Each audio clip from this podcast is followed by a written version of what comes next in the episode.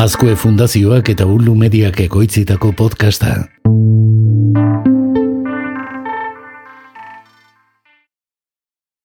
Berria egunkariak berria ikasgela egitasmoa aurkeztu du. Eguneroko albisteen bitartez ikasteko tresna digital berri bat.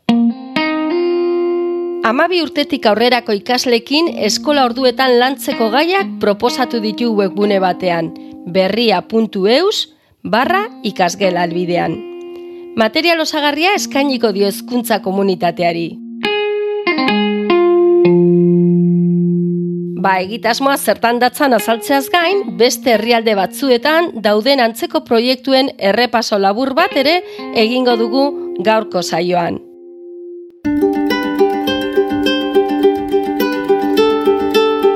Kaixo, maite naiz eta hau amar minututan podcasta da. Amar minututan, maite gonirekin.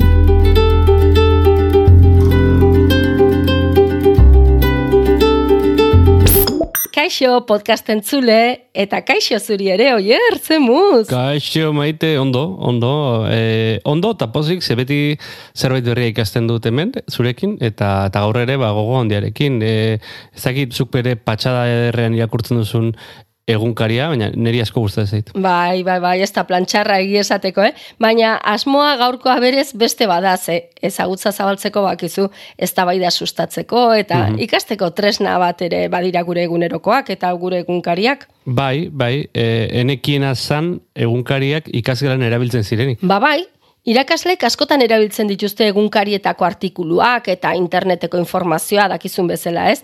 Kontua da, beti ez dagoela eskura eta sailkatuta bilatzen duten informazioa.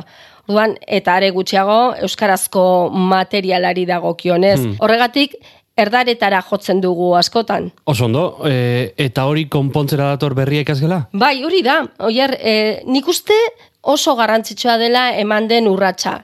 Ze etorkizuneko hiritar kritikoak ezin nahi ditugu badakizu ez, e, gure irakaskuntzaren asmoetako bat horixe izan beharko luke. Orduan, albisteak irakurtzen dituztenak, aktualitatea jarraitzen dutenak, gure herriko ekimenetan parte har dezaketen ikasleak nahi ditugu, ez pertsonak, e, herritarrak. Orduan, horretarako gazteak sentsibilizatu egin behar dira munduan eta bere herrian gertatzen denari erreparatzeko.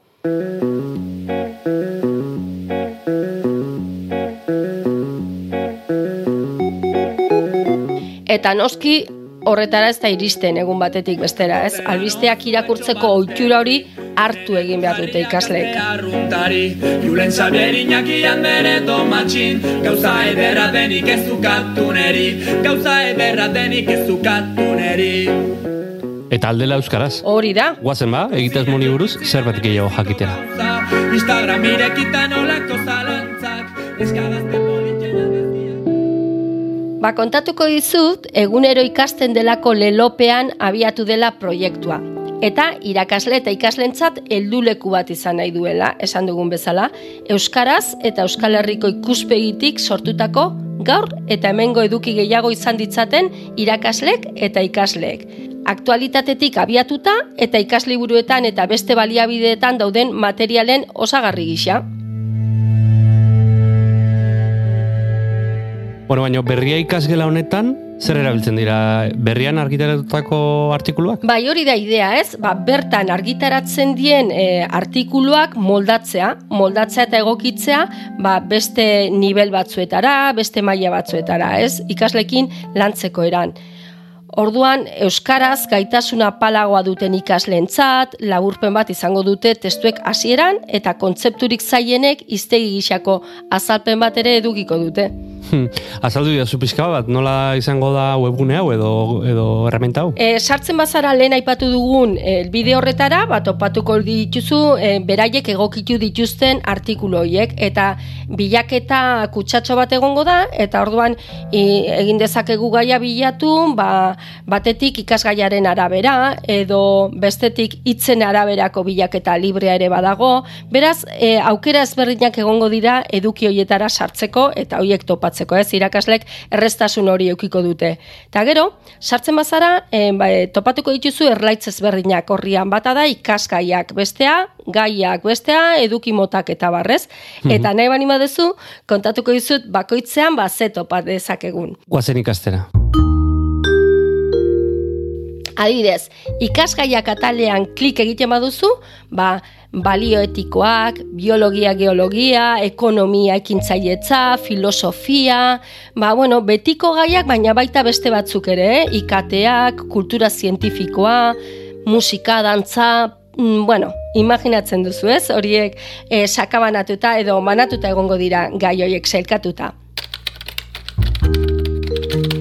Gaia katalean klik eginez, ba, ze gai topatu al izango ditugu bertsolaritza, emakumeak eta generoa, euskara, gazteak, giza eskubideak, hezkuntza, ingurumena, klima larrialdia, koronavirusa, ikusten duzu, baita ere, pixka bat denetarik eta gaurkotasun handia duten gaiak izango direla.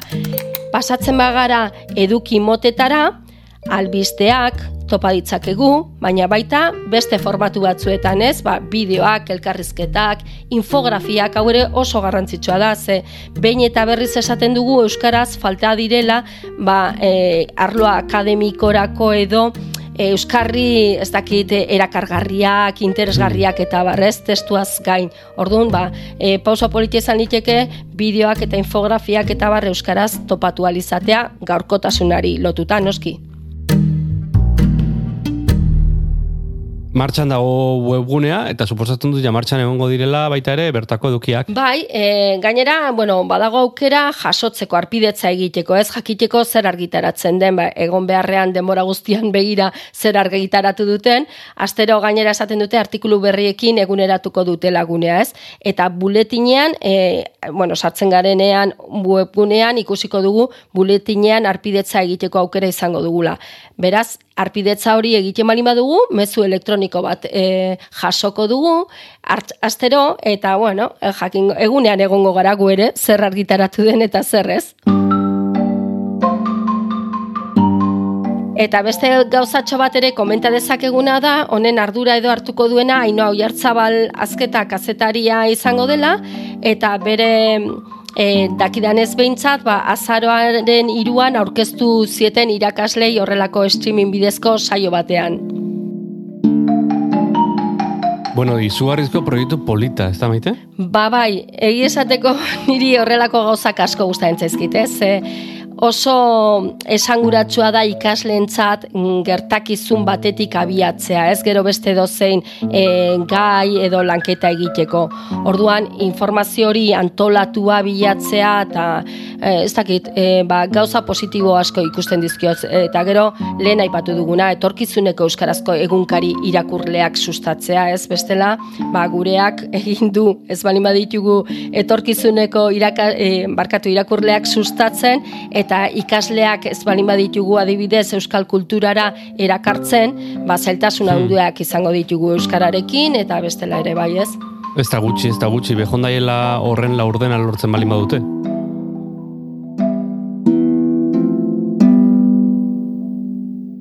Bueno, dozein alderditetik begiratuta ere, bikaina iruditze zait maite, eta nork esango zidan niri, kazetari bezala ere, irakasle bihurtuko nintzenik. Hori da, ikusten denetik ikasten da oier, eta galderetatik ia erantzunetik baino gehiago badakizu ez. Hori, orain, ia bi mila urte edo Aristotelek esanakoa da. Eta pixka bat gertuago delirium tremensek. ikusi, ikusi eta ikasi. Eta beste kontutxo bat esango dizut, oier, Euskal Herritik eta Euskaraz. Eta betaurreko moreekin begiratuta, hau ere oso garrantzitsua noski. Argi eta garbi entzun Iren buruan ezaten diren goza guztiak entzun Tira maite, esan didazu beste eredu batzuk ere erakutziko dizkidazula, mendik kanpokoak, eta desiatzen hau ezagutzeko. Bai, egitasmo berri hau aurkeztu dugu, e, esan, entzulei, ba, e, begitxo bat botatzea merezi duela, ez? Lehen aipatu dugun berria.eus barra ikasgela horretan, eta, bueno, beste, beste egitasmo batzuk, niri asko gustatu zaizkidanak, ez? Azken urteetan adibidez, Time for Kids. Time aldizkariarena, badakizu. Ba, beraiek diotenez, gaur egungo ikasle eta biharko liderrak elikatzen dituzte benetako albistekin, eta kritikoki pentsatzeko ba, trebetasunekin, eta horrela ba, mundu mailako herritar aktiboak eratze aldera, ez ikusten duzu, gutxi gora bera, asmoa, asmo bera dala. Eta Bai. hauek zer egiten duten, ba, astero argitaratzen dituzte lau mailatan sailkatutako artikuluak, ba, pauso oso garrantzitsua, ez? E, berainen sistema kabat, kabi eta hori e, adinak dira, ba, sei, zazpi, zortzi urteko umentzat, bederatzi hor tarte horretan, eta horretaz gain, bueno, ikustezu, ba, ordu maila ezberdinetan argitaratzen dituzte, ez maila egokitu bakar batean, baizik desberdinetan, eta horretaz gain, baliabideak ematen dituzte, artikulu horiek lantzeko. Nik uste dut hori izango litzatekena ideala, ez, irakasleontzat, ba, egokitzea aparte baliabideak ematean, galderak, eta horrelako gauzak, ba, gero landu alizateko. Baina, bueno, oraingoz, ba, irakasleon esku geratzen da gure kasuan, ez? Ba, hauek hiru atal dituzte. Irakaslentzako baliabideak, gurasoentzat, hau ere oso importantea, etxean lantzeko hori, eta ikaslentzat. Eta gainera, ba, materialek kurrikulumarekin lotura zuzena dute. Zer gehiago eskatu alda, ez, oier? Oso ederra iruditzen zait, e, ikusten abil hemen gure, gure txuletan First News aldizkaria, bigarna litzakena, bigarna adibidea, kanpokoa. Bai, Sky Newsek sortu duen produktua, eta hau paperean eta sarean dago, eta hemen ere ba, berri freskoenak ematen dituzte, aurrei zuzenduta. Ba, adibidez, orain sartzen bagara, portadan ikusiko ditugu ba, aldaketa klimatikoari buruzko ba, gailurraz, ez, gaurkotasuna, baino bete-betean.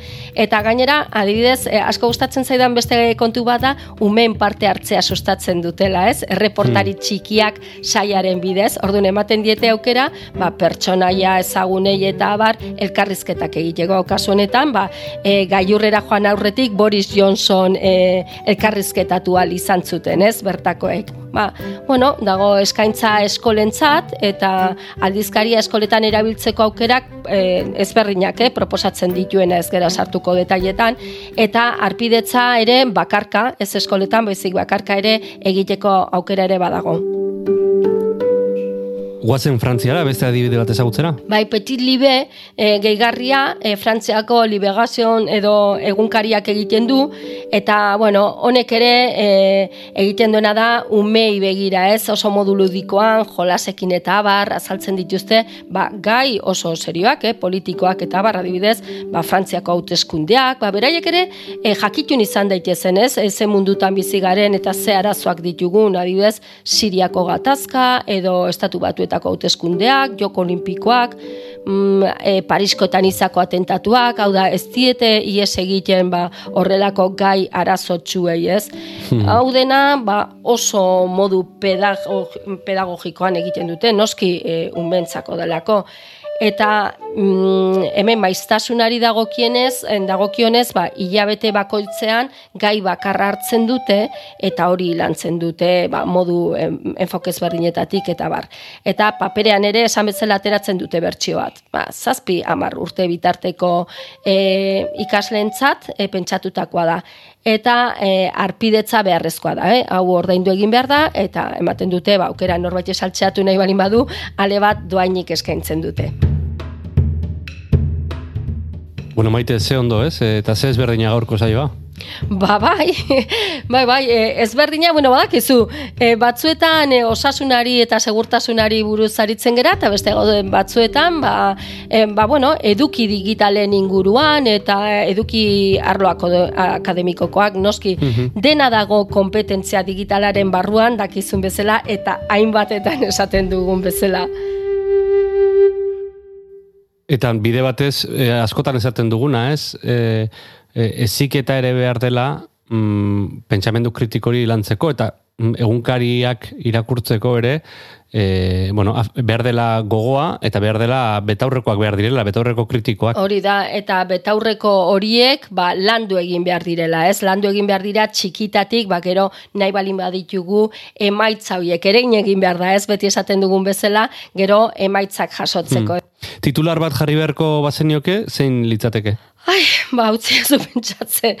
Zaki, ba, eskoletan egunkaria irakurri beharko litzatekela egunero, ez? Ez da Hori izan litzeke, ez da oso pomposioa, Ez ez baino, ez da txarra. baino, baino realitateari Nik lotutakoa. uste horrekin itxiko dugula horko erredakzioa, zi iruditzen zaizu.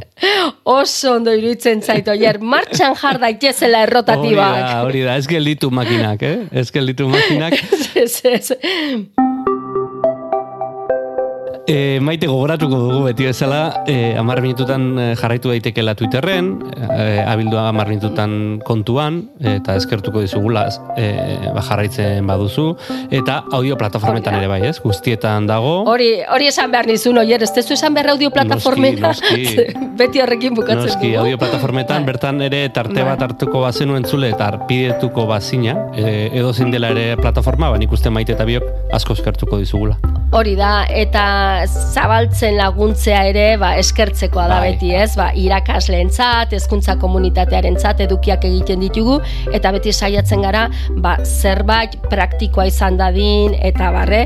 Gero, beti bezala, oier amaieran ipiniko dugu ba, aipatu dugun berria ikasgelaren esteka hori, ez? Denek ba, klik batera euki dezaten. Ba, urrengora arte, maite. Horrengor arte, oier, muxo handi Muxu, bat. muxu, agur, agur.